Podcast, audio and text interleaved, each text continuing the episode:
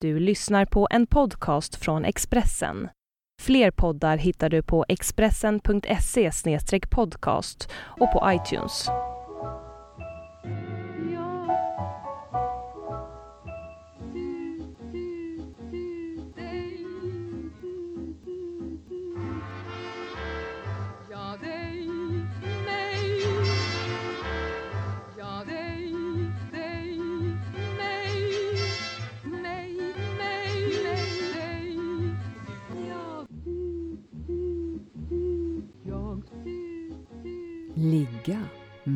Brodrej. Hej Farnas Arbabi. Varför vill man egentligen vara regissör? Jag vet varför jag vill vara regissör.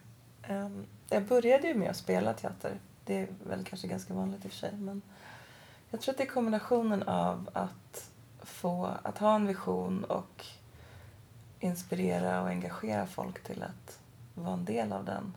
Du är en av dem som känner eh, Jonas Hassan Khemiris texter riktigt väl. Har du funderat på varför hans, eh, den här bästa Beatrice-texten i DN Kultur fick en sån enorm spridning? Jag tror det handlar om att han är bra på att skapa ett vi. Um, det tycker jag han gör i alla sina texter egentligen. Att han pratar utifrån en personlig erfarenhet men han är väldigt bra på att inkludera läsaren i den. Um, och att hitta gemensamma erfarenheter eller gemensamma upplevelser. Um, att man som läsare känner, sig som, känner igen sig i det han beskriver väldigt mycket.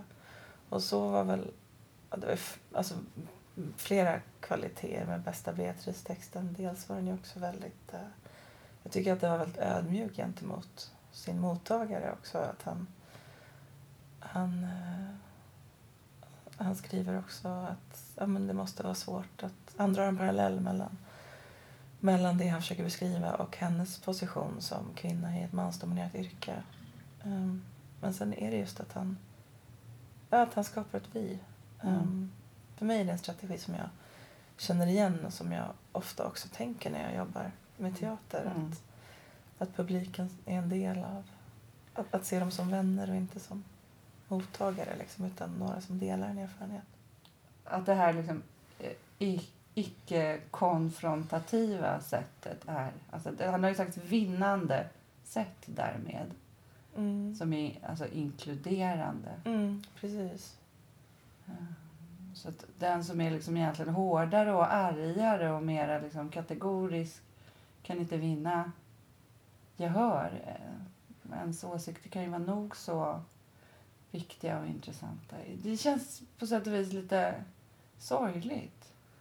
Ja, alltså jag tror att en argare och mer konfrontativ text fyller en annan funktion. Alltså, för jag tycker det kan vara otroligt skönt att läsa texter som är mer arga och eh, ehm, ja, Mm. konfrontativa. För Mm. att det, ofta är det ju så man kan känna sig själv. Mm. Ehm, och då kan den texten bli...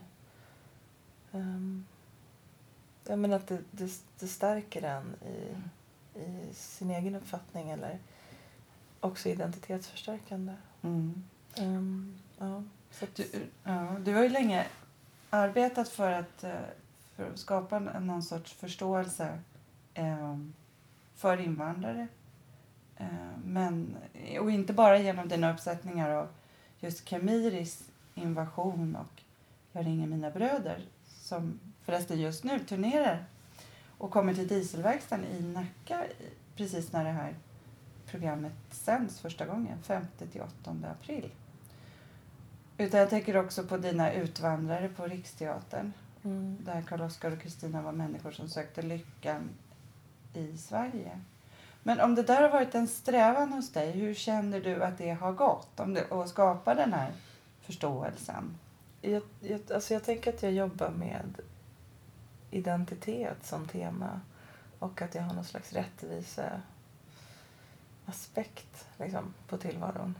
Um, att människor ska ha samma att människor har samma värde och ska ha samma möjligheter. Um, och um, jag vet inte om jag... Jag har nog inte tänkt aktivt att jag hela tiden vill skapa förståelse för personer som har en annan bakgrund. Ehm, Tolkar jag det fel? Nej, men alltså... Ja, alltså på ett sätt så... Eller jag skulle nog inte uttrycka mig så, tror jag, som du gjorde nu. Nej. Ehm, jag skulle nog säga att det som pjäserna har gemensamt är att de diskuterar identitet och tillhörighet, Ja. kanske. Snarare. Och ehm, vi lever ju liksom i ett samhälle i ständig förändring och det ser inte ut idag som det gjorde för 10 år sedan eller för 20 år sedan. Och eh, det kan jag tycka inte speglas så väl i, ja, men i min bransch. Mm. Eller i din bransch för den delen. Nej. Men jag tänker att, det, att alltså just nu känner jag lite grann som att man tar ett steg framåt och sen två steg tillbaka. Mm. Eh, och när man då har haft det här som ett genomgående tema så jag vill inte lägga det, de orden i din mun men jag kan själv känna att liksom, har vi inte kommit längre? Mm. Jag jobbar med de här frågorna. Vi har pratat om de här sakerna Mm. i, under en väldigt lång tid och ändå så känns det som att en sån här text i, på DN Kultur där liksom ministern ska byta kropp med honom för att få kontakt med verkligheten. Att en Mm. sån text överhuvudtaget ska behövas. Mm. Fast jag tänker skillnaden på, alltså om man jämför med typ 20 år sedan då, ehm, är väl just att Jonas Hassan Khemiri finns. Alltså att den, den här texten trycks på DN Kultur. Ehm, nu finns det ju människor i eh, offentligheten, i maktpositioner och inom media som kan uttrycka sig. Eller som kan uttrycka oss och våra erfarenheter. Mm. Ehm, på ett annat sätt än vad det fanns för 20 år sedan. Då var det liksom eh, en god vilja men, men eh, innanför perspektivet var inte alltid representerat. Och det, det är ju mer nu, att saker och ting står inte lika... Eh, saker står inte oemotsagda på samma sätt. Ehm, hade Beatrice Ask uttryckt sig så för 20 år sedan så kanske inte det hade funnits någon som hade kunnat skriva ett brev som har fått så stor spridning som det här har fått till exempel. Mm. Och inte bara Jonas text utan det finns ju även så det finns ju flera journalister som och andra människor som tar plats i media och som kan berätta om andra perspektiv eller påminna om andra verkligheter. Mm. Mm. Och så det är ändå positivt, Ja. även om det är mycket annat som... Jag kan också bli så trött på... Ett tag kändes det som att det enda man kunde prata om var liksom, är du rasist eller inte? Eller är det här rasistiskt eller inte? Medan det fanns mycket mer nyanser för ja, men, fem år sedan, kan jag tycka, i, i den offentliga debatten. Ehm, Mm. men... ehm, Eller är det viktigt att prata? Tror du att det kan bli värre? Som vissa är inne på att eh, liksom, ju mer man pratar om det desto mer rasism blir det. Alltså att man blir, att man liksom, det blir så polemiserat därför att man tar upp problemet. Nej, men jag tror, att det, alltså, jag tror att det är jätteviktigt att påminna om att det finns en norm. Eh, för människor som tillhör den normen tänker oftast inte på att de gör det.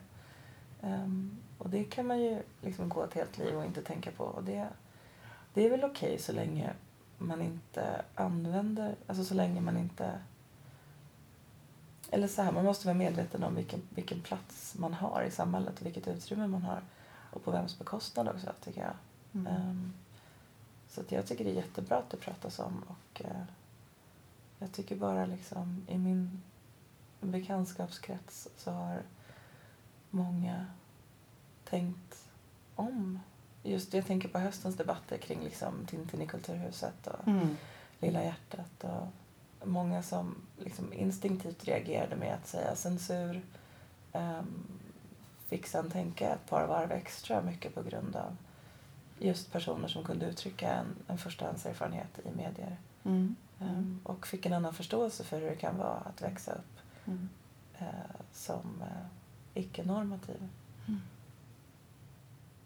Apropå dig, alltså personen du. eh, Jag antar att man kan hitta spår av dig i, i nästan allt det du gör. Eh, alltså någonstans måste ju finnas något litet fragment i alla fall. Mm. Och din Hedda Gabler spelas just nu på Uppsala stadsteater. Mm. Och och som, som till viss del handlar om att tilldelas en, en roll, tycker jag. Mm. Eh, hur, hur mycket Hedda är du? Eh, vad roligt att du tog just den som, som exempel.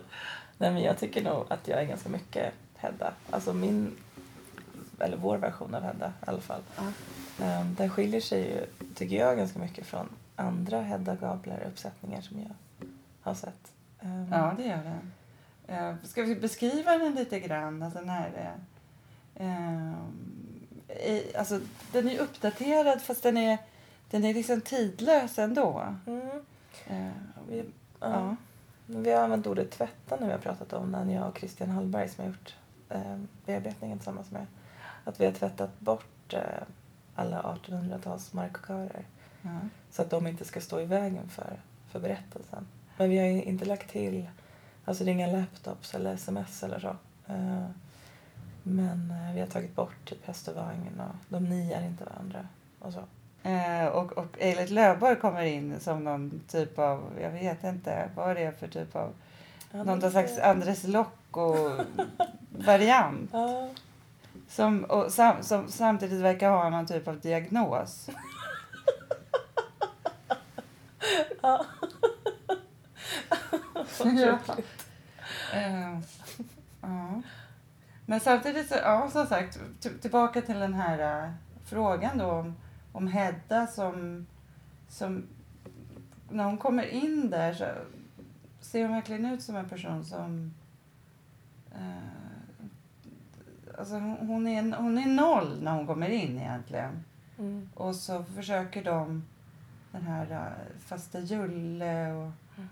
hennes man Jörgen, försöker liksom klä på henne olika identiteter känns det som. Mm. Eh, är ja, känner du igen dig i det där då? Ja, alltså... Jo, det är egentligen inte bara... Egentligen är det alla som har en bild av henne, även eh, Eilert Löfborg och Ja. Thea och... Ja, all, alla vill liksom ha henne till olika saker. Ja.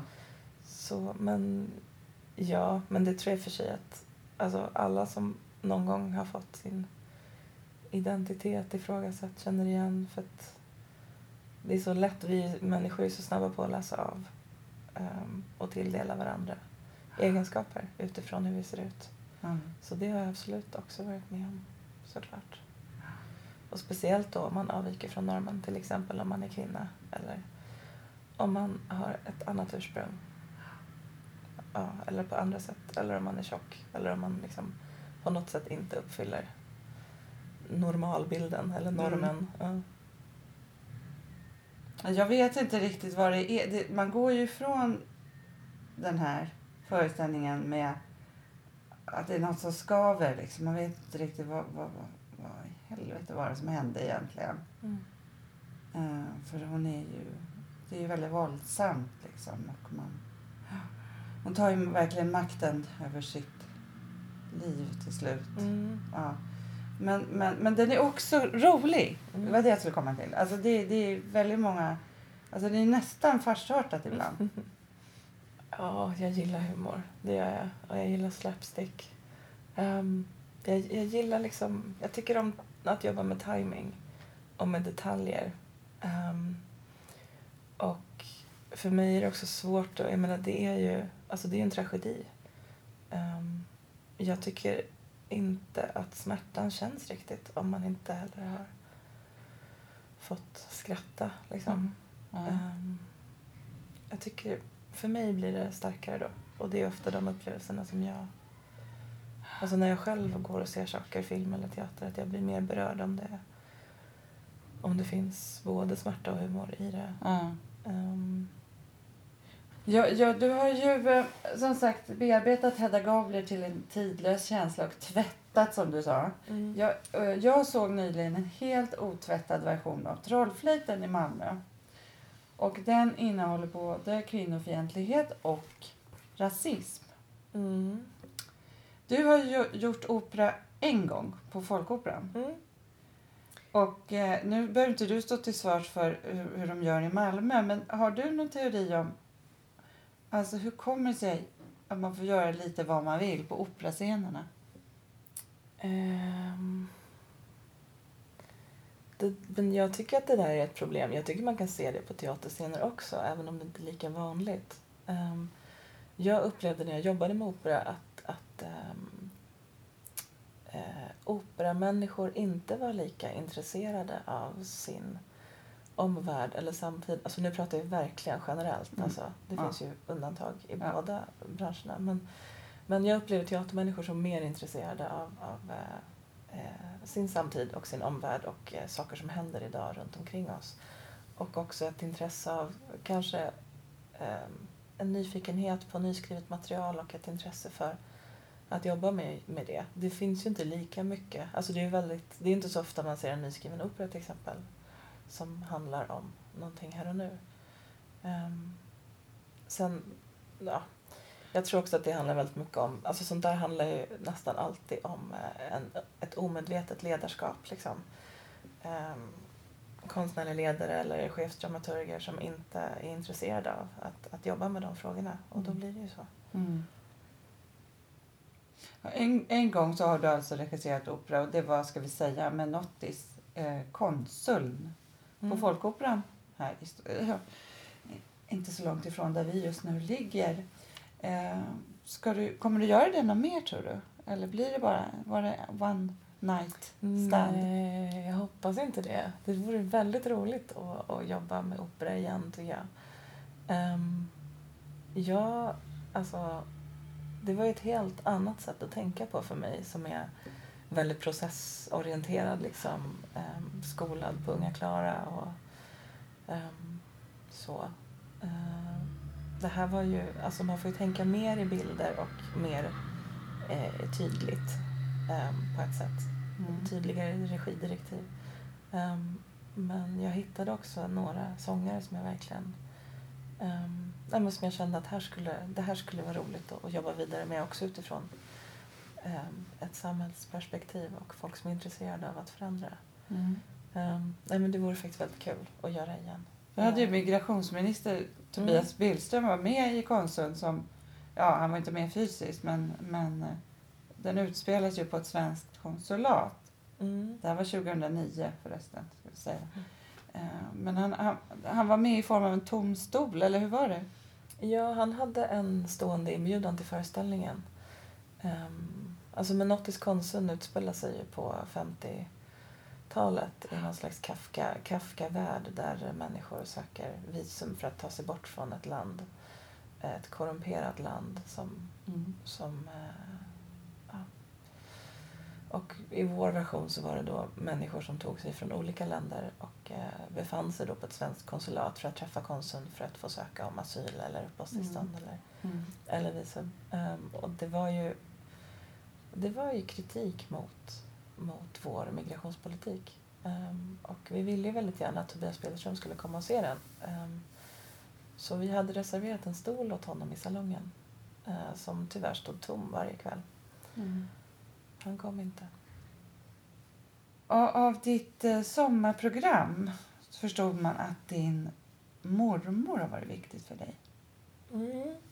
På vilket sätt?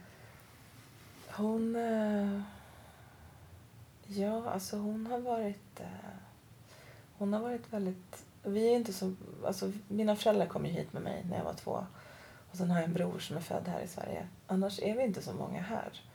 Eh, men mormor var här väldigt mycket under min uppväxt. Eh, och hon är också en väldigt dominant person. så att hon, hon har liksom...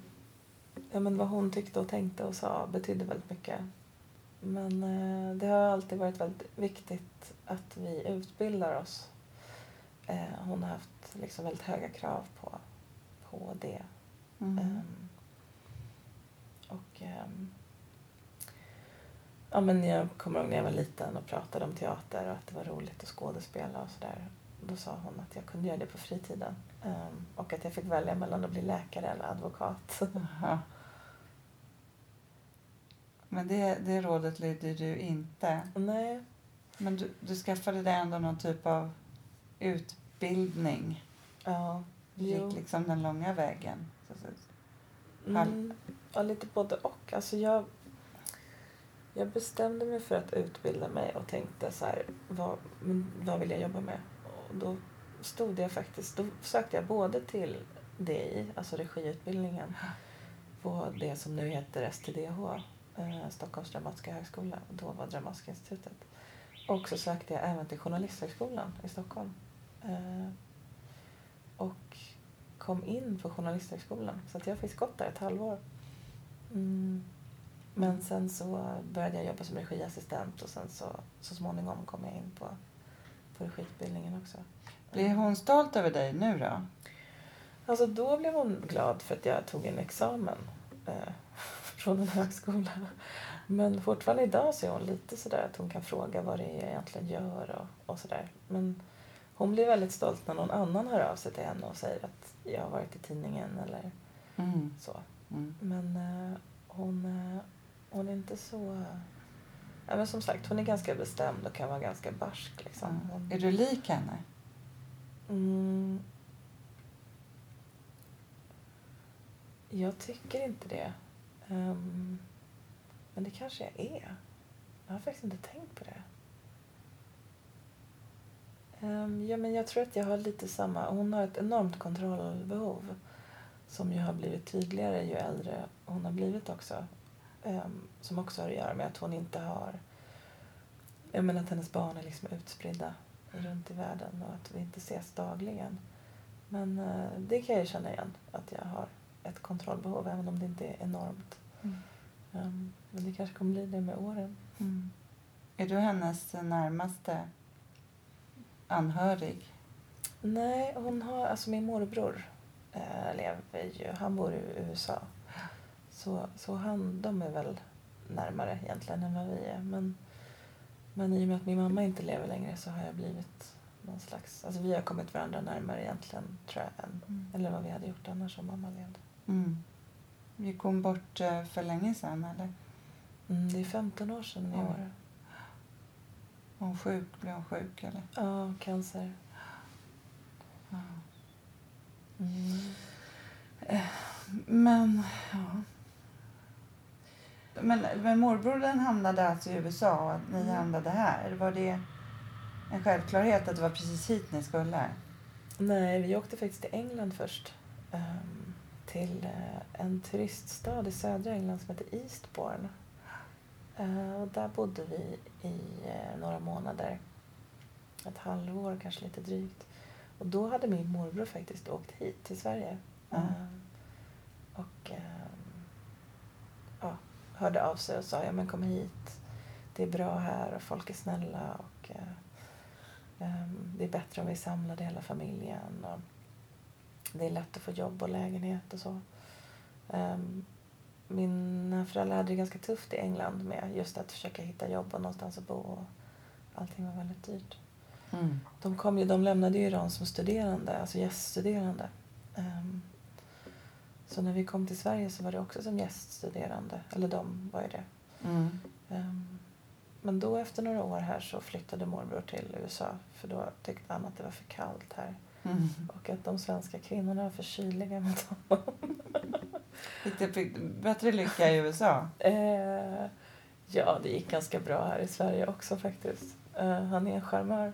Ja. Ehm, jo, nej men, jo, det gick bättre för honom i USA tror jag. Mm. Och du, du har aldrig känt det där att jäklar att vi inte blev kvar i England eller att vi inte följde med till USA? Eller?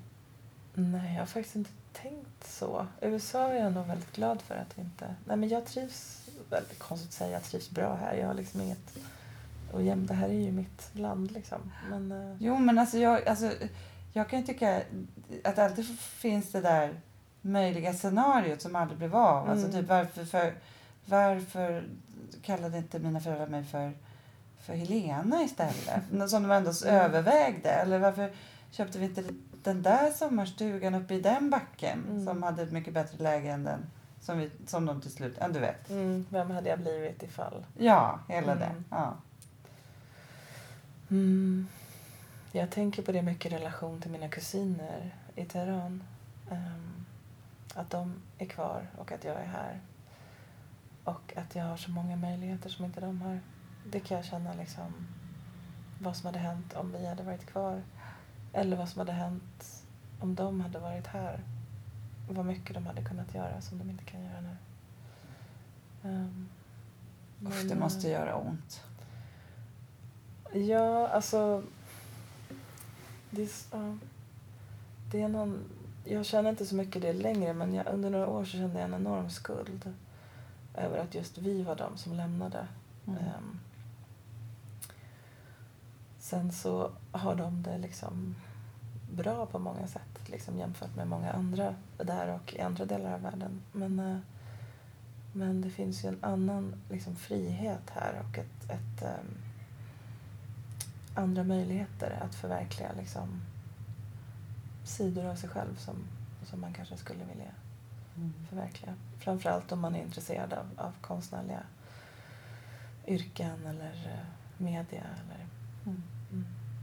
Tidigare kunde jag känna att jag måste verkligen göra liksom maximalt av mitt, mitt liv här för att eh, kompensera på något sätt för att jag har fått en annan möjlighet. Ja. Ehm, men det, det är liksom inte hållbart um, att tänka så. Det är ett, liksom ett, ja, det är ett stort krav att ställa på sig själv eller på någon annan för den delen också. Att, men det är ändå bra att vara medveten om. Ja. Men tillbaka till det vi pratade om i början. Att, att vara privilegierad liksom, eller att ha tillgång till en värld som, som inte alla har. Och Det där kompensatoriska, det pratade du om, tror jag, i, om det var i Tankar för dagen. Eh, men, men ur en annan aspekt, nämligen den här att man liksom representerar representantskapet av Mm. liksom, alla invandrare. Så du berättade om att du var, liksom, när du var liten och försökte vara så övertrevlig eller vara, ja, du vet, överträffa andra, alla andra i att vara så bra människa som möjligt. Mm. Jo. Absolut. Det kan jag fortfarande känna ibland att jag gör. Att jag liksom anstränger mig för att vara väldigt trevlig och artig i olika sammanhang. Um, där jag kan känna att min etnicitet spelar roll. Um, eller när jag märker, jag tycker att ibland kan man se på folk att de, de tittar på mig på ett visst sätt och då vet jag att de tänker någonting som har att göra med, med min bakgrund. Ehm, Att det, det kan du läsa av i ögonen. Ja, ibland kan jag det. Ja. Ehm, det har ju också att göra med vart, liksom kontexten, vart jag befinner mig. Om jag åker första klass på tåget till exempel i jobbet eller något. Ehm, eller om jag befinner mig i någon annan, någon mindre stad än Stockholm. Eller, då kan jag bli extra trevlig och prata liksom extra mycket stockholmska. Ja, för du pratade om rätten att vara dum i huvudet. Liksom, att det, Mm, den har ju inte jag riktigt alltid. Alltså, jag bara tänker på när jag, ja, men till exempel när jag gick i högstadiet när jag var tonåring så, så åkte jag med fötterna på sätet en gång på tunnelbanan. Vilket är sånt som många tonåringar gör. Ehm, men då blev jag tillrättavisad av en kvinna som sa eh, Åker, rider du så där på kamelerna hemma också? Eller, ehm, och det, det blir så tydligt liksom att allting jag gör fel mm. läses utifrån att jag har en bakgrund som inte är helt svensk.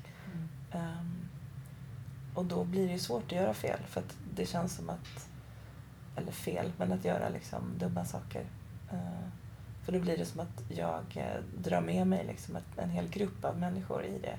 Mm. Ehm, men det vittnar ju många om att, att eh, det också krävs liksom hårdare arbete Mm.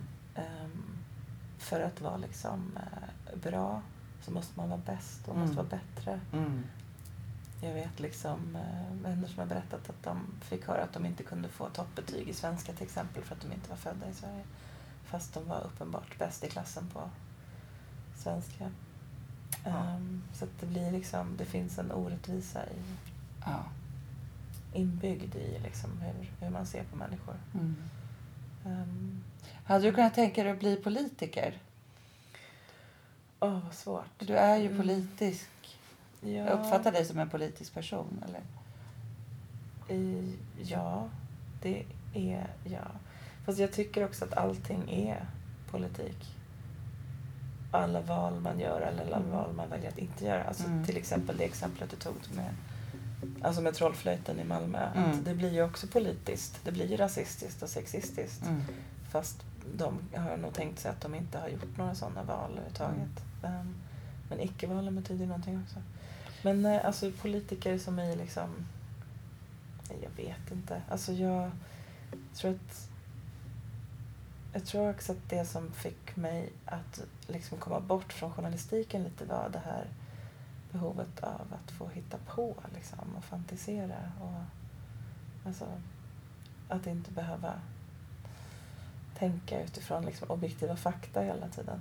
Ehm, så jag vet faktiskt inte om politiker skulle vara... Vill du fortfarande bli teaterchef som du har sagt i någon intervju? Ja, det skulle jag vilja bli. Men, men jag känner inte att det är, är bråttom på något sätt. Ehm, jag är ju 35. Det är ändå ganska ungt i teaterchefstermer eller regissörstermer mätt. Ehm, men jag kan tänka, alltså det jag kan sakna med, jag, jag, jag älskar att regissera och jag gillar verkligen att frilansa. Ehm, men det jag kan sakna är liksom att kunna göra ett ordentligt eh, förändringsarbete. Ehm, och jag kan också sakna kontinuitet. Att det ibland känns som att jag gör nedslag på olika teatrar och gör produktioner som i bästa fall liksom påverkar eh, teatern, alltså platsen jag är på och Mm. publiken som kommer dit. Men ett halvår senare så är det bortblåst. Liksom. Ehm, och där kan jag känna att jag, jag skulle vilja ha liksom, några år på mig på Mm. ett och samma ställe Mm. och kunna göra liksom, ja, bra saker politiskt. Både, nu pratar jag både liksom, tematiskt och innehållsmässigt och vilka pjäser man väljer att spela för vem och med vilka. Men, men också liksom internt på teatern att kunna göra ett, eh, ja, ett förändringsarbete. Eh, vad ska du göra nu när du åker härifrån idag? Eh, idag så ska jag till Stockholms stadsteater eh, där jag ska jobba i höst. Fast nu kommer jag på att det kommer inte vara officiellt när det här sänds. Oj då. Men det blir officiellt den nionde. Vad är det nästa vecka? nu? Mhm. Ska, ska jag fråga dig en gång till då? Vad jag ska göra idag? Ja, du får, får Ja. säga, du ska, ja, du får säga, kan vi ge någon ledtråd i alla fall så man kan tänka åt rätt håll. Mm. Vad ska du göra idag då när vi är färdiga med det här? Jag ska gå till eh, en... Jag ska gå till jobbet. Till en teater som jag ska jobba på i höst. Och sen så ska jag vidare därifrån och träffa min pappa. Som eh, just nu har påsklov. Han jobbar som lärare annars. Mm. Och nu är du lite hemlighetsfull här angående en teater Jag försökte byta som du ska jobba med i höst. Ja. Med ett projekt som du inte kan berätta om. Men eh, det kommer uppenbara sig om bara några dagar och eh, vad det är för någonting. Och jag kan säga att eh, jag tror att det kommer bli ett välbesökt projekt. Eh, ja, med viss anknytning till det vi har pratat om Mm. idag. Kan vi säga så? Så kan man säga. Ja. Eh, men då, jag vill säga tack så mycket Farnaz Arbabi Tack själv. eh, för den här pratstunden. Och jag heter Gunilla Brådrers och ja, hur kändes det här? Ja, det kändes väldigt liksom avslappnat. Jag tror att jag har sagt saker som jag inte skulle säga annars om jag hade blivit intervjuad. Sittandes upp vid ett bord, som det brukar vara. Hmm. Because that's my secret plan.